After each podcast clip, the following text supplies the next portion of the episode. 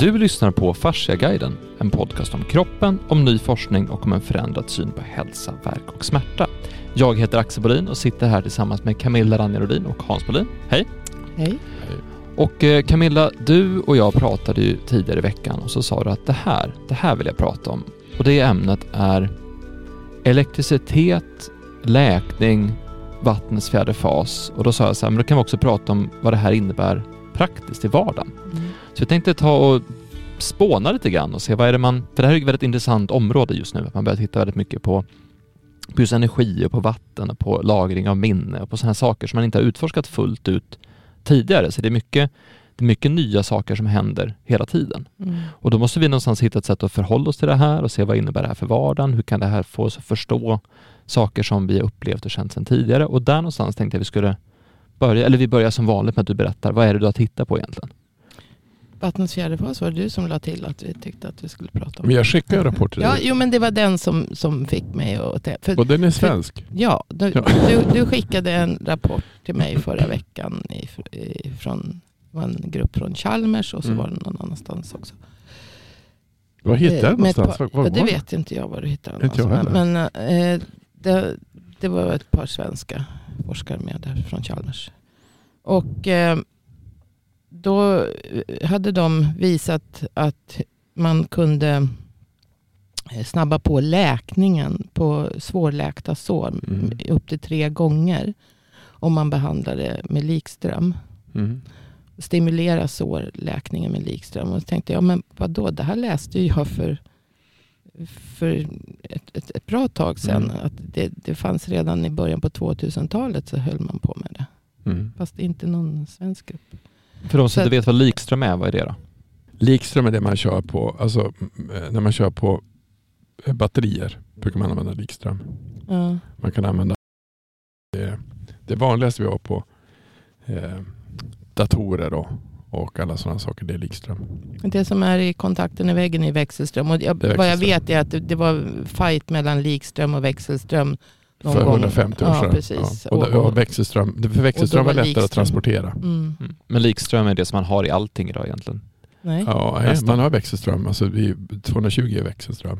Så det är lättare att... Den far ju fram och tillbaka. Och är växelström. far- ja. Eh, och eh, likström är, den är på samma sätt. Det, man, det problem med likström är att när man skulle transportera den så var det väldigt tjocka ledningar. Eh, så att man såg nästan inte himlen i New York. Sen kom Tesla med likström istället. Och eh, växelström. växelström, ja. Mm. Mm. Precis. Ja, man kan ju transportera växelström längre sträckor än, Mm. än det, det förstod jag också. Jag lys, lyssnade på historiepodden här för ett tag sedan som handlade just om Mm. likström och växelström. Men likström är en 12 volt, eller hur? Ja, du kan ha likström i 12 eller 18 eller 24. Eller, du kan ha, det, det är Men så när man då behandlar för, för lä- läkningen här så är det inte liksom 220 Nej. volt rakt in. Nej, det- då, dör du. Nej, nej, nej, nej, nej, nej. Utan det är liksom, och jag tror att de pratar om 9 volt. Mm. Eh,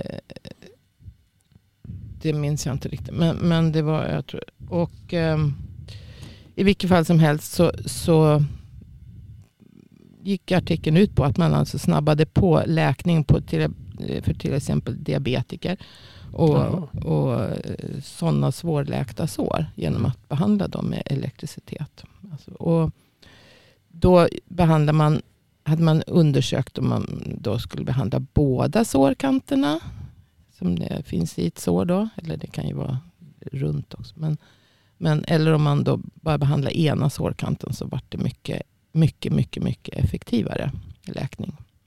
Och det här tyckte jag, ja men det, det här läste jag för ett tag sedan just om i någon annan eh, rapport då, då med, i början på 2000. Alltså jag läste den inte i början på 2000 men den var från början på 2000. 2006 tror jag det kom någonting om att man hade använt mänsklig vävnad. Då, för att det här hade man alltså använt mänskliga eh, keratinocyter som alltså är celler som finns rikligt i huden. Mm. Och, som då, och man ökade då celldelningsförmågan med, med eh, ström, eh, eh, stimulansen då så att säga. Och det här beror ju på, för då hade jag läst någon annan artikel om, om hudens batteri.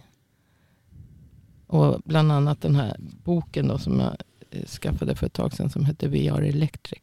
Mm. som handlar med om, om liksom energimedicin och hud. Alltså Att, att vi har en massa elektricitet i kroppen. Och det här var ju någonting som eh, skrev upp sådana små milstolpar här. Alltså Galvani, Luigi Galvani på 1700, slutet av 1700-talet hö- höll på, upptäckte ju då att, att eh, musklerna rörde sig med hjälp av Ström, ja. ström ifrån nervsystemet. Och sen så fanns det ju en då som fortsatte med, han hette Dubois Raymond, som fortsatte med, med, med det här då, eh, nerv, eh, Mm. i, i cellerna.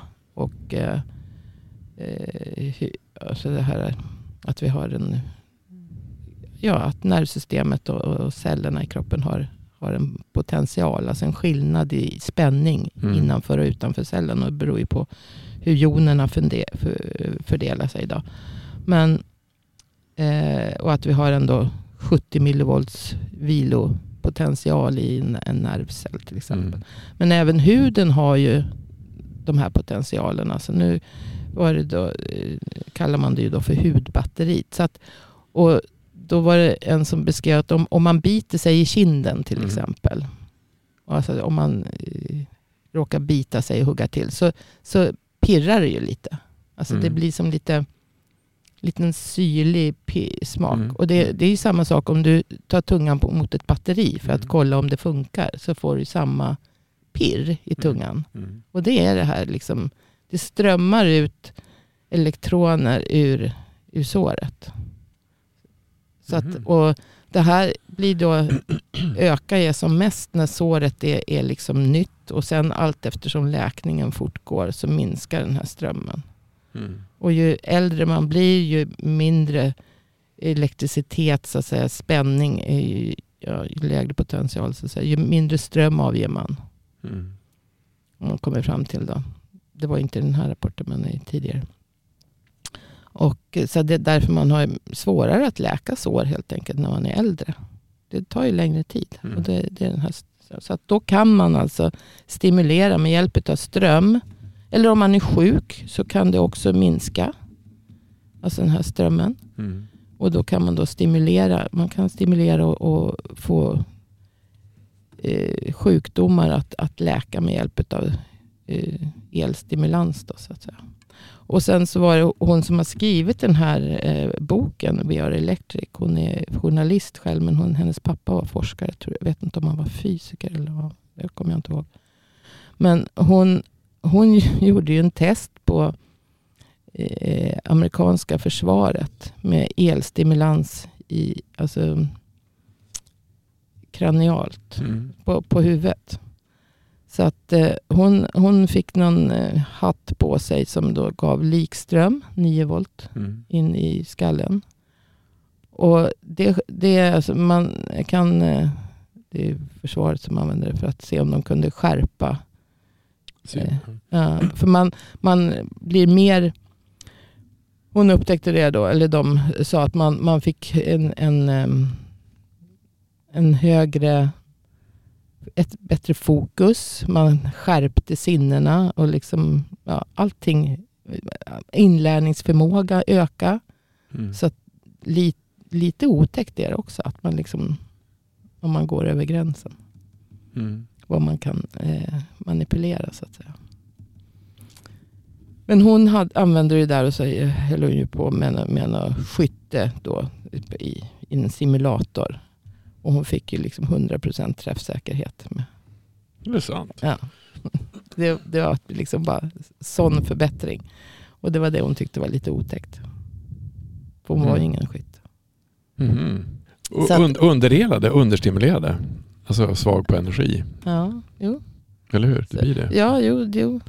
Och, ja, men eh, vad jag ska säga. Det, och det här har ju varit liksom så kontroversiellt under he- hela tiden här nu. Så att, eh, men EEG vet vi liksom att det Mm. fungerar och Mm. E- EKG. Då. Men, men hon hon skriver i den här boken att, att vad folk inte vet, att han som uppfann EEG, han hette Hans Berger. Mm. Han blev ju så hånad och smutskastad för, för det här. Mm.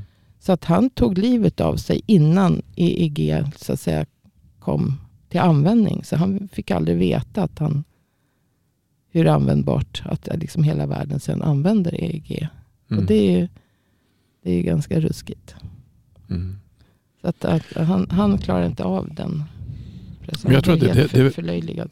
Det var väl så han, han Nord, vet, visst att han Björn Nordstrand? Nordstrand. Mm, ja men precis. Jo, för det skriver hon ju också om. Om eh, forskare som har upptäckt då att, eh, och det är samma sak där, att, att de blir väldigt ifrågasatta. Att, att cancer kan, kan, cancerceller kan återföras till normala celler genom att behandla med elektricitet. Men det var det som egentligen. Patricia Keely bevisade. Att hon Mm. sa att om du, om du har, eller hon visade genom, genom struktur. Mm. Att har du en styv struktur, Mm. alltså en tät struktur och har Mm. cancerceller där. Mm. Då blir det metastaser. Har du en struktur med cancerceller Mm. som är flytande så finns det inga cancerceller. Nej. Men det här hänger ju, hänger ihop. Alltså den här täta vävnaden och brist på elektroner och vattnets fjärde fas och allt, allt på det här hä- hänger ihop. Ja. Men som du sa, som du sa egentligen, så att, vad sa vi? att För att bilda nya celler så behöver du ett pH-värde, alltså en ström Mm. som är 7,5 hertz var det så? Nej, 7,5 i pH. Ja, ja, jag, jag tror 7,5 i pH. Så att, och i cancerceller så har du en, ett Just- negativt pH. ja, Lågt. det är för mycket protoner. Så du kan inte, du kan, alltså vanliga celler kan inte leva där. Det finns för lite energi. Mm. Eller hur? Mm. Då gör kroppen celler som kan vara i den väv, vävnaden. Mm. Och då, det han egentligen gjorde då, han Nordström, han, han skrev en egen bok. Det var på 375 sidor. Mm. Jag tror vi tog upp det i något avsnitt. Men Ja, vi Han- pratade, vi pratade om det. han visar att tillför du elektricitet i lungcancer så Mm. kan du bota lungcancer. Mm. Jag tror det svåra egentligen att förstå det är att vi har så otroligt eh, ett otroligt konstigt perspektiv att se på vad kroppen är för någonting. Alltså vi har ju pratat mycket om, om alltså nervsystemet är el. Mm. Vi pratar om muskler kan stimulera, stimuleras Mm, med jo, el. vissa, vissa saker är liksom accepterat men när man pratar om det mer allmänt så att Så hela går det inte. nej, För att det finns ju tensmaskiner. Ja. Alltså du kan stimulera. Ja, ja. Och man har ju visat, jag tror man har visat på idrottsmän som ska öva att springa 110 meter häck. Alltså, om de ligger och funderar på att de springer Mm. så kontraherar musklerna Mm. fast de inte gör någonting. Mm. Så jag tror att det, det svåra egentligen att förstå det är hur mångfacetterade vi är. Att vi är allting på en gång. Det tror jag att vi tar upp i vår film. att Det tar väl Per upp, eller Neil Tees också, att om man börjar se kroppen som en helhet med ett flöde med en massa olika saker så pratar man mer om andra saker än bara, alltså bara kemi. Utan då är Mm. det kemi och då är det elektricitet och då är det fysik och så är det, det är en massa olika saker. Mm. Men då blir det också det blir ett annat perspektiv på allting. Mm. Och det därför tror jag att om du säger att han kom med, med att mäta eh, eh, frekvenser i hjärnan. Det är klart att de skrattar åt det. Ja. För det gjorde man från början med allting som var psykiskt också. Att du skulle, Ja, nervcellernas potential. Ja, ja. Ja precis.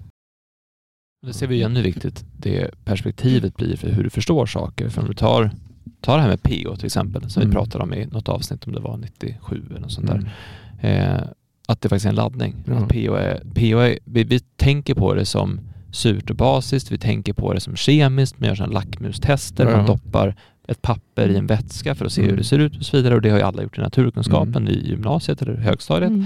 Men vi tänker inte på att det faktiskt är en laddning, Laddning. Att, det, att det är det det är, att det är energi. på protoner. Mm. Mm. Och på samma sätt så har vi svårt att tänka på det här som, som Einstein också visar på att allting har en rörelse, allting har en energi. Mm. Det kommer jag ihåg att jag, när jag gick i gymnasiet och liksom fick, fick den upptäckten och bara så här, oj, allting är energi, shit, det här måste ju vara bla bla bla och alla bara, nej, så är det inte.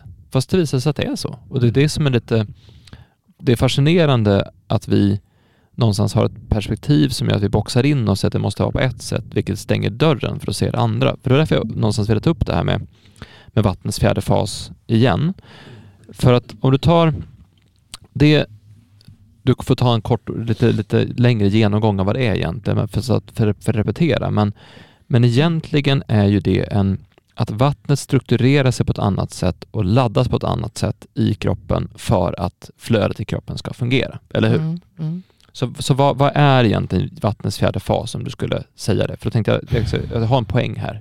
Mm. Eh, Ja, jag, jag satt och försökte läsa igen i, Gerald Pollaks bok och liksom verkligen hur det är uppbyggt. Men, men vattnets fjärde fas kallar ju han då när vattnet får energi utav ljus. Mm. Och då slås en, pro, en proton, alltså en väteatom slås av ifrån vattnets H2O. Mm. Och då blir det en massa eh, fria protoner. Och vitsen är att det som blir kvar, det, vattnet strukturerar sig. Det här är ju egentligen, alltså för is är också strukturerat Mm. i, på samma, nästan på samma sätt. Men inte riktigt. Och det var det jag satt och grävde i då, liksom om man ser de här honungskakorna. För att det strukturerade vattnet, det, vitsen är ju liksom att, att en proton slås av och så blir det som är kvar blir, har en negativ laddning. Så att Mm. vattnet får en, en, blir negativt laddat. Och protonerna far iväg utanför så att säga. Och då, då kommer det här vattnet eh, som strukturerar sig så att säga, i honungskakor. Mm. Så att det blir egentligen sex syraatomer med, med tre tentakler, bindningar ut med väteatomer och sen så binder de ihop så att det blir som en honungskaka med en sex hex, hexagoner. Och hela naturen älskar ju hexagoner, Mm. alltså den formen. Och även is är, är så, fast då, de här lägger sig i lager. Alltså om man tänker sig en, en hel honungskaka då med hexagoner. Så Mm. så, så bildas det mer och fler och fler i olika lager. Men de kan ju inte ligga, is ligger precis rakt ovanför. Så då ligger syraatomen över syraatomen. Mm. Och det funkar ju inte egentligen. För att de har ju samma, repellerar varandra. Mm. Och då kommer det in de här eh, fria protonerna kommer, kommer in. och För att all is föregås av det här vattnets fjärde fras, easy water som han kallar det. Då. Som är en mer kristallin, lite gelformad på gränsen till kristallin. Så det, det går aldrig från vanligt vatten till is utan det går alltid över i det här easy water stadiet. Och sen likadant när det smälter så blir det. Så att is och easy water är väldigt, väldigt lika. Mm. Så det blir väldigt invecklat här. Men det, Men easy water är ju inte baserat på temperatur som is är på det sättet. nej. Så det behöver inte vara nollgradigt utan det, det är ju Och det pratar han ju också om. Han, han har ju lyckats få vattnet fast som, som is fast i rumstemperatur. Ja, det. Ja. I provrör. Mm. Därför det, det finns en sak till det här som vi har pratat om. Jag trodde vi hade pratat om det i podd, men vi gjorde det på en föreläsning som du Ja, höll. ja, och det Och- skriver han inte om i den här, i den här boken. skriver han bara om hur han eh, förklarar det här easy water och, och olika eh, egenskaper hos vattnet. Att det lagrar energi och tar energi från solen. Och att man kan an- använda det som batterier. Och, och det här kommer att lösa energikrisen så att säga. Det är bara det att vi vägrar att se det. Mm. Därför att vattnet kan både lagra minne och lagra energi Mm. och kapaciteten här är väldigt, väldigt stark. Alltså hur mycket minne som kan lagras just eftersom att den har, eh, som kisel till exempel, har ettor och nollor, Mm. men vatten har minus två, minus ett, noll, plus ett och plus två, vilket gör Fem olika stadier. Mm. vilket gör att kap- kapaciteten för lagring blir väldigt, väldigt stor. Och då har vi börjat fundera på, men det kanske är där minnet sitter i kroppen. Mm. Alltså att det sitter i easy water. Det är klart det, Det är klart det gör.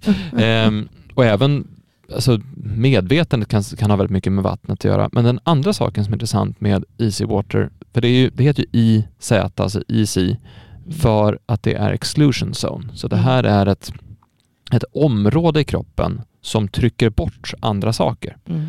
Så att har du ett easy water-område så ser easy water-området till att allting som inte ska vara i det här området trycks bort. Mm.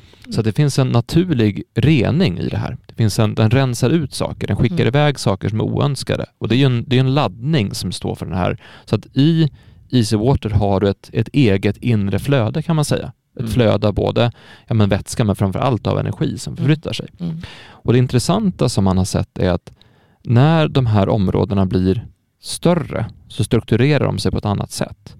Och det vi har pratat om här som är intressant är att när, ju mer strukturerat easy water du har, Mm. desto bättre minne får du.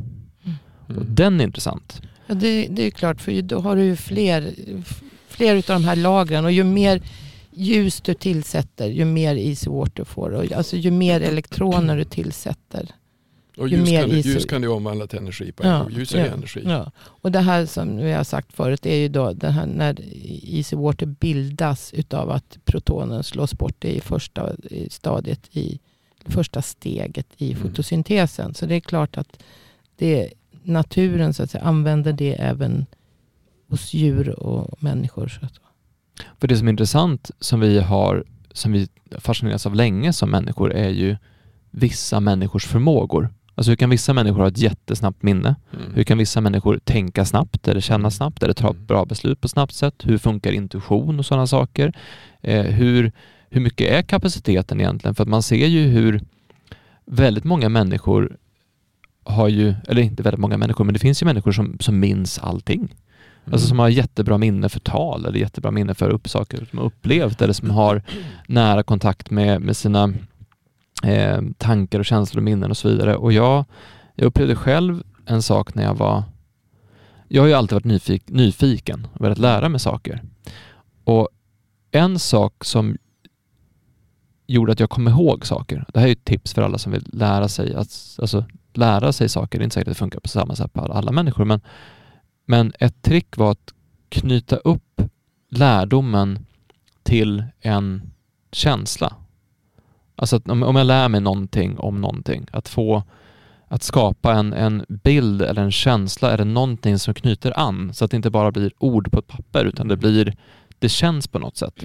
För då är det lättare att komma ihåg det som känsla. Och Det finns ju massa olika knep för hur man kommer ihåg saker men oftast är det att man involverar någonting till. Det finns ju även den här som kanske många, några har hört om i alla fall, att man, man bygger en, en, en, eh, ett, ett, ett rum eller ett slott eller en, ett palats eller någonting som man då går och hämtar saker i. Det finns en sån minnesmetod att man, Mm. man knyter upp det här eh, minnet, det ska jag lägga då i det där rummet där det finns en eh, stol som ser ut sådär och så vet man på den stolen som ser ut sådär, där finns det här. Alltså man bygger liksom man bygger vägar i sitt sinne för att minnas saker. Och det intressanta med det är ju att då, då tänker man att det här är någon mental bild. Men egentligen är det ju en strukturering av vattnet. Så att ju mer strukturerat vatten du har, desto bättre minns du saker. Mm. Och det intressanta som jag tänkte komma tillbaka till med elektriciteten, och det är att om man vänder på det och ser på kroppen som den levande kroppen, som liv. Mm. Och så har vi konstaterat att det grundläggande för liv är flöde. Och flöde, då tänker vi en, en bäck eller vatten eller sådär, men flödet är ju inte bara vätskan utan det är också elektriciteten, det är också de kemiska Mm. signalerna, det är också Mm. de mekaniska signalerna, det är allting som händer där. Så att flödet i sig, easy water i sig, är ju både laddning och Mm. vätska som passerar. Och vätskan som passerar vet ju strukturera om kroppen rent strukturmässigt. Det får kollagentrådarna att ändra på sig. Det får fiberproteinerna runt alla celler att, att ändra struktur. Men det påverkar också laddningen. Och då sa du Hans nyss här, ja, men man är svag på energi. Mm. Eller man är energilös. Och någonstans landar det här i att ju mer levande du är, ju mer du lever, desto mer energi får du i kroppen, desto bättre mer ström får du i kroppen. Och då blir ju behandling med ström inte så jättekonstigt Mm. egentligen, Nej, för du, du tillsätter energi till ett system som är energilöst. Mm. Men det kan du också göra genom att bara vara levande. Alltså Ja, du bara kan och bara. göra- Du kan göra på andra sätt, naturligtvis. Men om du dansar eller sjunger eller rör dig eller springer runt Mm. eller leker eller hoppar eller är i en skog eller simmar och badar. Så när du gör sådana typer av saker så får du också mer energi. Är du deprimerad eller och nere eller Mm. sjuk eller alltså, du är helt lost på energi. Då har du ju heller inget minne. Nej. Du minns inte saker. Det, var, det var ett program på Du- tv där en karl som tog med sig, han var på, han tog med sig, han var från Grekland. Jag kan säkert leta upp det. Han tog med sig en massa äldre på, alltså pensionärer till Mm. Grekland. Och en åkte dit i rullator och rullstol. Och han gick hem. Så, så när han var i Grekland och den laddning och den mat och allting han fick uppleva. För det ser man ju på, alltså jag tror att i vissa kulturer så är gamla sett som resurs. Mm. Alltså man ser att, att det är, man, man hedrar, man tycker att det är okej med gamla människor och att de är duktiga och de har saker och ting och så. det, vi är inte riktigt den kulturen i Sverige. Vi sätter dem gärna på hem istället. Men det kanske var lite tokigt sagt. Men, men i, alltså i många kulturer tycker man att de äldre är någonting som är värt någonting. Mm. Men du kan ju förändra energin på en. Alltså jag gjorde ju, eh, din mor, alltså Lottas morfar. Han kom ju till mig en, en gång i, i sommarstugan. Vi, du var med. Vi bar ut Han kunde nästan inte gå. Vi satte honom i en båt. Och så åkte vi ut. Och så satt han och drog abborre. Och sen så, jo, vi gjorde inte så mycket mer. Han fick dra abborre och han, han gick därifrån. Mm. Så att alltså, du kan ju tillföra mycket energi genom att göra saker och ting och vara med om saker och ting. Så jag tror att det som är, jag tror det som är, det som är intressant med hur man kan vända energi i kroppen utav upplevelser utav trauman. Trauman blir ju en, om du varit med om ett riktigt hemskt trauma som ja, men koncentrationslägen och sådär som är helt brutalt sjukt, sjuk, konstigt. Så de som överlevde det, de lät dem inte komma in i kroppen. De, alltså, jag ser vad du gör, men mitt inre, mitt eget, det tar jag hand om. De klarar sig på ett annat sätt, fast det var så otokigt. Så det går ju säkert att vända saker, perspektiv till alltså otäcka saker till bra upplevelser. Man polvänder dem genom att skicka dit någonting som är mer positivt istället. Eh, och Jag tror att i vissa fall så har man hamnat i ett energilöst tillstånd. Att man gör samma sak hela tiden. Det måste ju påverka. Det påverkar ju flödet också. Mm. Men jag, är, jag är inget jag är inget bra. Jag duger inte till någonting. Det blir inget bra. Alltså det kan ju vara en mental röst som är konstig. Och den, den, den är ju i kroppen. Eller hur? Men jag tror att om man förstår det här med att vi är energi, vi är allt möjligt annorlunda. Så blir ju det är ganska enkelt att förstå varför man kan läka saker snabbare. Eller hur? Ja, ja, ja, det. Och, ja men, nu kommer jag inte ihåg när det var. Men, eh, för det, det har jag pratat om förut. Som, som läkte benbrott som inte läkte genom att tillföra ström också. Så det, mm. och men det, det, är väl ett annat sätt då istället för att, men man kan ju få energi på flera olika sätt. Så saker och ting. Det, det, det, läk, det, det vet man Mår man bra, vilket man gör när man, alltså har man energi så mår man bra. Och, och, och då, då läker ju saker bättre. Och man, alltså då, kroppen fungerar bättre och man minns saker. Men så fort du tappar energi så mår du ju inte bra. Men jag tror att det är där som vi när vi, eftersom att vi har underskattat den elektriska aspekten av oss, mm. så tänker vi inte på det. Men om du tar en sån sak som vi pratar om i avsnitt 39 om vagusnerven, autonoma mm. nervsystemet, så mm. pratar vi om det här med omgivningsvaguston. Mm. Att, att när du har en viss eh, stämning i din egen kropp så kommer vagusnerven att skicka ut signaler. Och det kan vara allt från hormoner till, till eh, impulser, till värme, till vad som helst. Mm. Och det påverkar ett, ett rum så att du kan, du kan bygga en stämning i ett rum som är på ett speciellt typ av sätt. Men det är också så att det är ju en, det är en elektrisk stämning och en elektrisk mm. miljö också. Och ja. det kan ju vara så att ibland så alla har, har förhoppningsvis träffat sådana här människor som man bara mår bra med att vara med. Mm. Alltså vissa människor är ju så att är du bara med dem så känner du lite bättre. Mm. Och det kan vara att de har en sån laddning och en sån energi som gör att det smittar av sig på dig och att du börjar, att du börjar läka. För det finns ju verkligen, alltså vi, vi, vi skickar ut elektriska signaler också. Mm. Och det här är någonting som, jag tror man liksom har placerat det här på en annan hylla eller i ett annat skåp eller en annan en annan del. Alltså återigen ett exempel på hur vi delar upp saker. Att det är liksom inte, det är någonting annat. Det är någonting eh, mentalt eller någonting som är någon placebo eller någonting. Alltså man, man liksom har nedvärderat det eller satt det på ett annat bord utan att förstå att allting faktiskt sitter ihop. För jag tror att skulle vi förstå hur mycket vi kan göra bara genom att ändra vårt sätt att se på oss själva och ändra, ändra vårt sätt att se på livet, alltså mycket vi kan göra i termer av, av läkning och förändring, då skulle man nog bli ganska hänförd. Jag tror inte ens vi har börjat förstå ungefär hur mycket som går att göra med det. Nej, eller så tycker man att det är så självklart. Jag bara hörde någon, någon på radion, jag tror bara var någon vecka sedan. Jag hade tänkt på det där, liksom att går man ut, de allra flesta människor tror jag liksom får ett, ett lugn och en harmoni om man går ut i, i skogen mm. eller ut i naturen. För då, och då laddar man ju elektroner. Mm. Och man får energi utav det. Men så, jag hörde på radion att de sa att fågelsång blir de liksom var positivt för människor att, mm. att lyssna på. Ja, så konstigt. Mm. Jag, jag älskar att höra på fåglarna. Det, alltså det, det, det ger sånt lugn och sån, det, det ger energi att Mm. höra fåglarna på våren. Mm. Mm. Eh, så, och, men, men det är ju en självklarhet och sen kommer det upp som liksom en nyhet. Som att Mm. wow, liksom, folk mår bra av att lyssna på fåglarna. Ja, men jag hörde en annan sån grej och det var att, att eh, det var någon som eh, utbildade skådespelerskor och skådespelare. Eh, och som sa att om ni förstår er potential som skådespelerskor, eller skådespelare, då kan ni då kan ni göra underverk. Därför att ni har förmågan att komma in under huden på människor. Ni kan vara med och skapa någonting med de filmer ni gör så att folk som inte vågar gråta får gråta. Så att folk som inte kan skratta kan skratta. Så att folk som eh, inte känner börjar känna. Så att med en, med en bra film så kan du också göra det. Alltså du kan få människor att leva mer. För det är ju det är någonstans, även om du inte, alltså om vi säger att du går, går runt och bär på en, alltså hur många gråter idag? Mm. Alltså hur, hur många gråtit, hur många inte gråtit på tre månader? Det kan vara ganska många. Mm.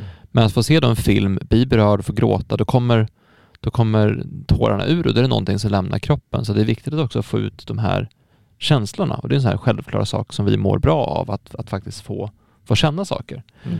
Så att jag vet inte, jag börjar mer och mer tro att det är på ett sätt mycket enklare än vad vi tror, för det handlar om att leva. mm. Och det, det, det, och det låter i sig ganska banalt. Det blir lite så här, du vet, Jo, det- carpe diem-tatueringen. Ja, liksom. Eh, fånga livet, fånga dagen. Men, men det är ju typ så det är. Alltså det gäller ju att, alltså, när jag är ute och går, att jag ser solen, att jag känner vinden, att jag hör fågelsången, att jag liksom tar mina andetag och tar mina steg. Så jag tror att det svåra egentligen är att vi är så långt ifrån livet.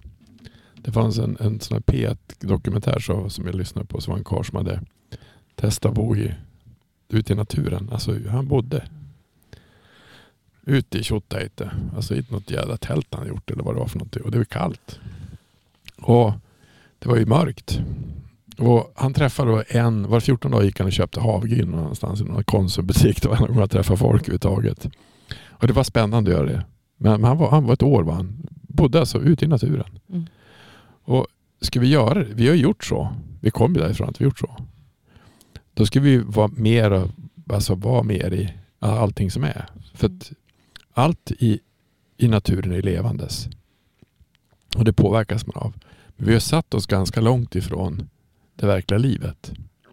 Så därför när du är ute och går i skogen, då får du ta del av det och Mm. börja lyssna då och titta på jag tror att själv kan jag säga att man kan se biofotonfält på det som växer. Det börjar glimra om man bara tittar på det. Då kan du se att trädet har energi runt omkring det. Du kan se att, alltså, vad som händer runt omkring. På samma sätt är det ju, om vi skulle titta på det, så människor kan ju faktiskt glimra. Och de kan ju ha ett, ett, ett alltså, om du tänkte, jag satt och kollade på Tina Turner, hon dog ju för något vecka sedan. Och jag såg henne på live, i, jag satt inget speciellt bra heller. Men vilken energi hon hade. Mm. Alltså helt makalös. Jag, jag tror jag grät när jag såg honom. För det var så häftigt att se den där tanta Roran springa runt och skaka oss. Och, så, och heja på på den där scenen. Det var, helt- och storyn bakom henne var ännu mer intressant. Att hon hade varit misshandlad och, och inte... Alltså vil, vilken livshistoria. Var otroligt. Men vilken energi. Och, och hon gav ju energi till folk. Det var ju jag vet inte hur många som satt och lyssnade på det. Det var ju många som helst. Och alla var ju helt bedårade, begeistrade. Så, så stora kan vi vara. Alltså så mycket energi kan Och det är energi. Men jag tror att det svåra egentligen som vi har, som, som du tar upp här nu, det är ju att, att kroppen är energi. Kroppen behöver energi. Och kroppen behöver energi också i näring. Alltså, det har vi tagit upp förut. Ja, hur, mycket näring behöver vi vi? får ju energi från, från ljuset och, och, Exakt. och vattnet. Så så vatten och ljus, det är ju otroligt viktigt. Och vilket typ av vatten får man? Alltså vad är det för, alltså, jag tror att om man skulle ställa, det skulle man kunna testa, om man ställer vanligt vatten som finns och ställer ut det i solljus Mm. så lär ju det renas. Ja, det Och vitaliseras. Det, det laddar energi. Det laddar energi och då kan du dricka vatten som är energifyllt. Alltså det där har jag testat. Det Ja, ställer ut vatten i solen så blir det mycket godare. Ja, ja, ja. För det renas ju. Ja. Det är samma sak som att det är samma när vi går i solen och då får, alltså ögat, eh, den, Det är den ytligaste blodkärl som finns som är ögat. Det är ett sätt att rena kroppen. Men jag tror att det är det som är intressant när man tänker på både när man har fått, det gör ju vi när vi kör utbildningar eller på, eh, alltså på Fars Academy när vi kör utbildningar. Så det som är intressant är när folk, de som är, börjar känna att det händer saker i kroppen och att man kan känna att det händer saker i kroppen. Att man, alltså att när man, vad varma händer då kan någon säga. Mm. Varm, och då, då tillför du energi. Och så säger man, det går väl inte att göra. Men det du egentligen gör, om vi är ett batteri, så tillför du, om vi vill ha handpåläggning på någon, så tillför vi energi. Eller hur? Ja, ja, ja, visst. Så min farmor, hon hade, det sa min mamma, du är nästan som din farmor. Du är lite, hon var ju lite halvtokig. Eller ja, inte, men hon var väl annorlunda. Men hon, hon läkte ju. När man stukade foten då gick man till farmor. Tyst med det sa hon. Så komprimerade hon foten så var det, var det borta. Så det går ju att göra. Alltså ganska enkelt att, att med manuell behandling förstärka läkprocessen. Mm. Otroligt mycket enklare än vad man tror egentligen. Mm. För att vi är ju batterier. Ja. Eller hur? ja, men visst. Och där blir ju miljön du är i väldigt viktig. Att förstå att, för vi, vi pratar ju om vi har pratat om det här med att du blir vad du gör, alltså kroppen bygger om sig på vad du gör för någonting, du blir vad du äter, det är beståndsdelarna som blir din kropp sen. Du blir vad du tänker och känner, alltså tankar och känslor har en direkt påverkan på din fysiska kropp. Men vi har ju pratat lite grann om det här med att du blir den miljö du är i. För att du anpassar dig väldigt mycket till miljön runt omkring dig. För Mm. jag tänkte också på det som du sa med, med dels att vara ute i skogen, dels hur det var förr, men sen också det vi pratar om i avsnitt, jag tror det var avsnitt 21 tror jag var, ja det var avsnitt 21, som handlar om elektromagnetiska fält. Mm. Eh, och hur, för då pratar vi om att 1885 eller 1888 eller sånt där, 1889, då förändrades den grundläggande elektriska miljön på planeten. Mm. För då hade vi tagit fram så mycket elnät så att vi hade liksom förändrat hur hela planetens elektricitet var, hur hela planetens laddning var. Och jag tror inte att vi tänker på hur mycket vi påverkas av laddningar vi inte ser. För det är mycket, det är mycket energi som far runt i luften, framförallt i en stad eller i en, en tät... Alltså, allt ifrån eh, ja, men dels alltså mobiler och wifi och, och 5G och 4G, hela den biten, men även saker som att, att bara så mycket elektriska apparater är på. Mm.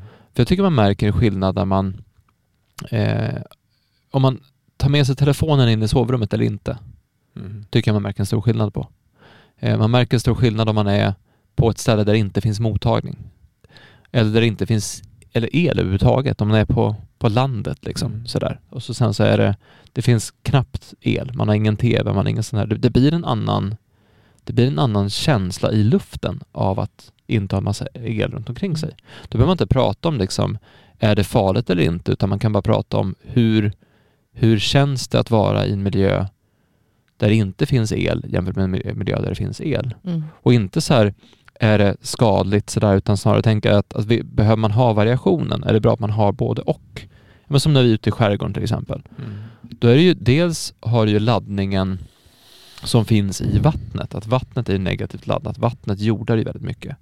Eh, men du har även att det inte är så mycket anna, andra störningar. Det är inte så mycket, det, framförallt längre ut i skärgården det finns ju nästan ingen mottagning. Mm. Man blir chockad idag när man är på en plats där det inte finns mottagning. Mm. Man räknar med att det ska finnas. Mm. Typ ska man navigera så använder man 4G-nätet för att navigera och så bara plötsligt funkar inte 4G-nätet så man bara oj vad, vad gör vi nu? Nej, men men den, den aspekten finns ju av det. Ehm, sen tänkte jag på en annan sak som jag så inte glömde bort att säga det. Eh, vi kanske ska tänka på oss själva mer som, som blommor eller som växter. Alltså att vi behöver ljus och vi behöver vatten. Mm. För då, jag, jag fick behandling igår faktiskt och då sa terapeuten eh, till mig så att ja, mina grannar måste tycka att jag är lite märklig för att ibland går jag ut och ställer mig barfota i rabatten. Mm. Bara för att stå med fötterna i jorden. Mm. För att står hon i jorden så får ju hon en annan laddning, Mm. då får du en jordning. Så vi kanske ska tänka mer på vilka, dels vilken näring vi får i oss såklart för att vi ska kunna växa, men även att vi får i oss bra med vatten, bra med ljus och att vi faktiskt har fötterna i jorden. Har inte du jordlakan då? Jo, absolut, det är så Ja. mycket bättre med det. Men, men jag menar, det är fortfarande, det, det är så härligt nu för tiden när det faktiskt är så varmt att man kan vara ute barfota. Mm. Så jag är ofta ute i trädgården barfota och det känns ju Mm. att man är det. Det är. Ehm, för det, jag såg också en film om, jord, alltså en film om jordning som menar på att, att eh, gummisulan kan vara en av de farligaste saker vi gjort för hälsan, för det kopplar oss ifrån jorden, för vi tappar liksom kontakten Mm. med den. Och de rekommenderar att man ska vara barfota hela tiden. Och då när jag såg den så var det februari, jag tänkte så här, alltså, Ja, men du skulle kunna gå med, med, med lädersulor. Alltså inte gummi. jo, utan- jo, men, men att gå barfota i februari är ju Nej, men du tufft kan ha alltså. läderskor på det. Ja. Så att jag tror att det men, men jag tror att det som är, ehm, det som är grejen med det här som du, som du tar upp nu, det är att det man måste fun- fundersam när man tittar på saker och ting, det är att om det nu finns forskning som är att vi är elektriska, vi påverkar. Han som tog fram eh, e, vad, ERG, nej var det sa du? Ja, EEG. EG. Mm. Han skrattar de åt. Ja. Han som tog fram eh, eh, bakterien som fanns i tarmen, han skrattade de åt till han Mm. tog det själv. Mm. Alltså hur, alltså jag tror man måste titta på och förstå att forskning som finns idag är väldigt speciell och väldigt specialiserad på olika saker. Och när man då, som du har läst mycket forskningsrapporter som vi försökte göra, att man läser forskning som handlar om fascia som helhet, alltså ett helhetsperspektiv. Då ryms det här. Ja, då ryms ja, allting. ja. Men jag träffade, jag var på en sån här, eh, någon sån här eh, ja, galamiddag förra veckan och då träffade jag en massa människor. Då, som berättade om, jag brukar alltid berätta om samma sak, om fascia och, och, och värk och smärta och hästar och allt möjligt sådär.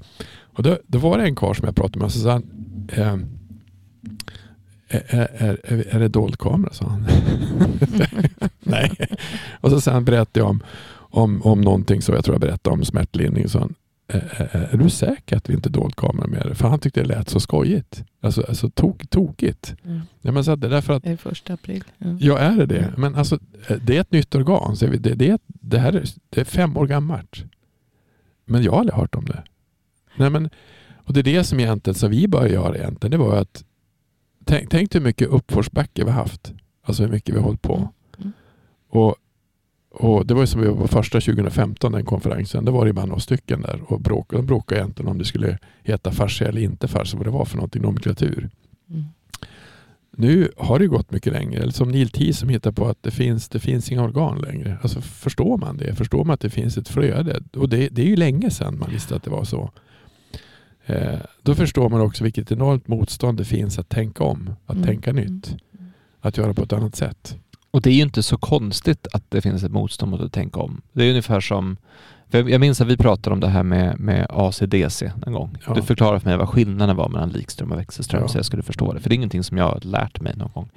Nej. Eh, men då... Jag var nog inte så bra på det heller i och för sig. Nej, men, men det, det, den grundläggande poäng som du sa egentligen är att eh, många saker vi har idag använder faktiskt 12 volt. Mm. Alltså som datorer, som, jag tror till och med det var tv-apparater. Alltså mycket går faktiskt på 12 volt. Så Mm. då, då, då kör du in eh, egentligen alla sådana här grejer där det finns en liten låda på. Alla strömkablar med en liten låda på. Ja, precis. Mm. Då, då konverterar den då den här höga 230-220 till 12. Likström, Ja.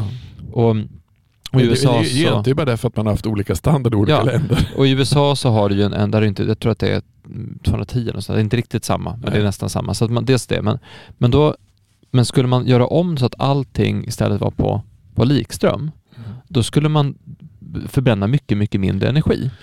Men då skulle man också behöva bygga om allting. Och att bygga om alla... Nej, alltså egentligen, alltså egentligen, egent- det- när, du, när, du, när du bygger hus idag så har man fortfarande samma standard. Alltså vi har ju vi har 220 volt för lampor. Men vi behöver ju inte det. I båtar har man ju LED-lampor och andra saker som finns som inte tar speciellt mycket energi alls. Så att förut hade vi energi för att skapa belysning. Nu har vi belysningar som är mycket, mycket, drar mycket mindre energi. Så att egentligen, det mesta i ett hus kan du faktiskt köra på 12 volt. Och då ska du kunna lagra energi själv via solen. Och ha ett helt annat. Det tror jag hörde på. Det är 15 år sedan de sa att egentligen så, jag tror att de sa att det var på P1, så att om man skulle konvertera befintliga hus idag till 12 volt, då skulle man minska energikonsumtionen. Ordentligt och, och, mycket. Ja, och så Ja. få ett helt, då behöver man inte lika stora nät på ett annat sätt. Därför det var det som, som var grejen, vi, vi hade den här samtalet när vi var ute med båten. Och Ja, en båt har ju i regel 12 volt. Men då har vi ett elverk på båten som gör att man kan köra på högre, alltså 220 också, så vanliga. ja, du, så. men du kan också, du kan också använda, eh, du kan konvertera likström till växelström också. Ja, och men det var det här som är intressant, för då, då, de saker då som går på eh, alltså en högre, en hög, som går på växelström, Mm, mm. det är typ tvättmaskin och torktumlare, det är diskmaskin, det är vattenkokare, kaffebryggare och typ spis oftast. Mm. Det är typ dem. Mm. Nästan allting annat. Men allt det där går att köra på, på likström också. Ja, men det är det med att skulle man då göra det så skulle man bygga om helt och hållet. Man skulle tänka om på ett helt annat sätt. Man skulle kunna få en helt annan energiförbrukning. Men, men då är motståndet mot att tänka nytt och tänka om, det, det är för stort. Och då är det här någonting som man har vetat om och som alla håller med om. Mm. Så att alla som har satt sig in i det här håller ju med om att det är så här, för det är så det ser ut. För jag menar, vi driver det mesta på, på, på likström. Mm. Så att även, det är det här som, även då i ett fält där man är ganska överens om att ja, men så skulle det kunna vara fast det är för dyrt att bygga om. Då är det så. Men om du då tar det andra fältet här, el i kroppen. Mm. Där är alla inte överens därför att man har ett tidigare sätt att se på kroppen som gör att man inte vill se det här eller inte kan se det här. Så det är inte så konstigt att motståndet är helt enormt mot det här sättet att tänka på. Mm. Så det, det, det är inte det är inte förvånande för att om man skulle acceptera Säg om man skulle acceptera fascia. Ja, då skulle man behöva göra om alla, alla läkarutbildningar, alla vårdutbildningar, alla anatomiska... Alltså man skulle behöva göra om alltihopa från scratch. Det är ju egentligen det som Vibeke säger i den filmen vi visade också, att Mm. du måste tänka om precis från början. Det är ganska dyrt att göra om det. Skulle man acceptera att kroppen är, är levande, så att det är ett flöde, att det är ström, att det är... Det, du skulle behöva göra om hela sättet att tänka på. Jag tror, inte det, är jag tror inte det är dyrt, men jag tror däremot man måste, det som är svårare det är som du sa, eller om, om man kan, det var du som sa det, om man kan använda eh, vatten till att lagra energi Mm. och bygga datorer så får du ett motstånd egentligen på vem ska tjäna pengar på det. Mm, på samma sätt som du precis. tar, om du tar som eh, Sture Blomberg säger om C-vitamin, att C-vitamin är kanske den, en av de starkaste antioxidanterna och, lä, och läkningsprocesserna som finns eftersom vi är mycket ute fria radikaler som är ute. Så, men vem ska tjäna pengar på det? Alltså, Mm. alltså hur, hur går man ifrån jag, jag tror att vi är på väg dit i alla fall. För från början var det så att när internet kom som var en, en, en, en kommunikationsresurs. Den var ju fri. Men vem skulle tjäna pengar på det? Och då var det ju annonsering. Innan Google, de hade ju ingen affärsmodell. Sen kom de på att de kommer göra gula sidorna. Och det mesta går ju nu att bli billigare och billigare. Alltså det är egentligen, som jag pratade om, att, att göra olika saker för att, att mappa saker till kroppen. Det finns ju mycket data bara för att man ska använda det. Så att jag tror att vi är sådana sådant där paradigmskifte som finns. Det är frågan när kommer det att falla? För jag tror att man måste se på kroppen som levande. Så måste, man måste, läkarna måste börja titta på kroppen att den är fysisk. Man kan inte ge kemikalier till allting. Precis, vi gör ju egentligen ingen skillnad om, om, en, om, ett, om en, en häst är halt. Så antar ju alla veterinärer att den är halt i, i någon sena eller led, eller hur? Mm.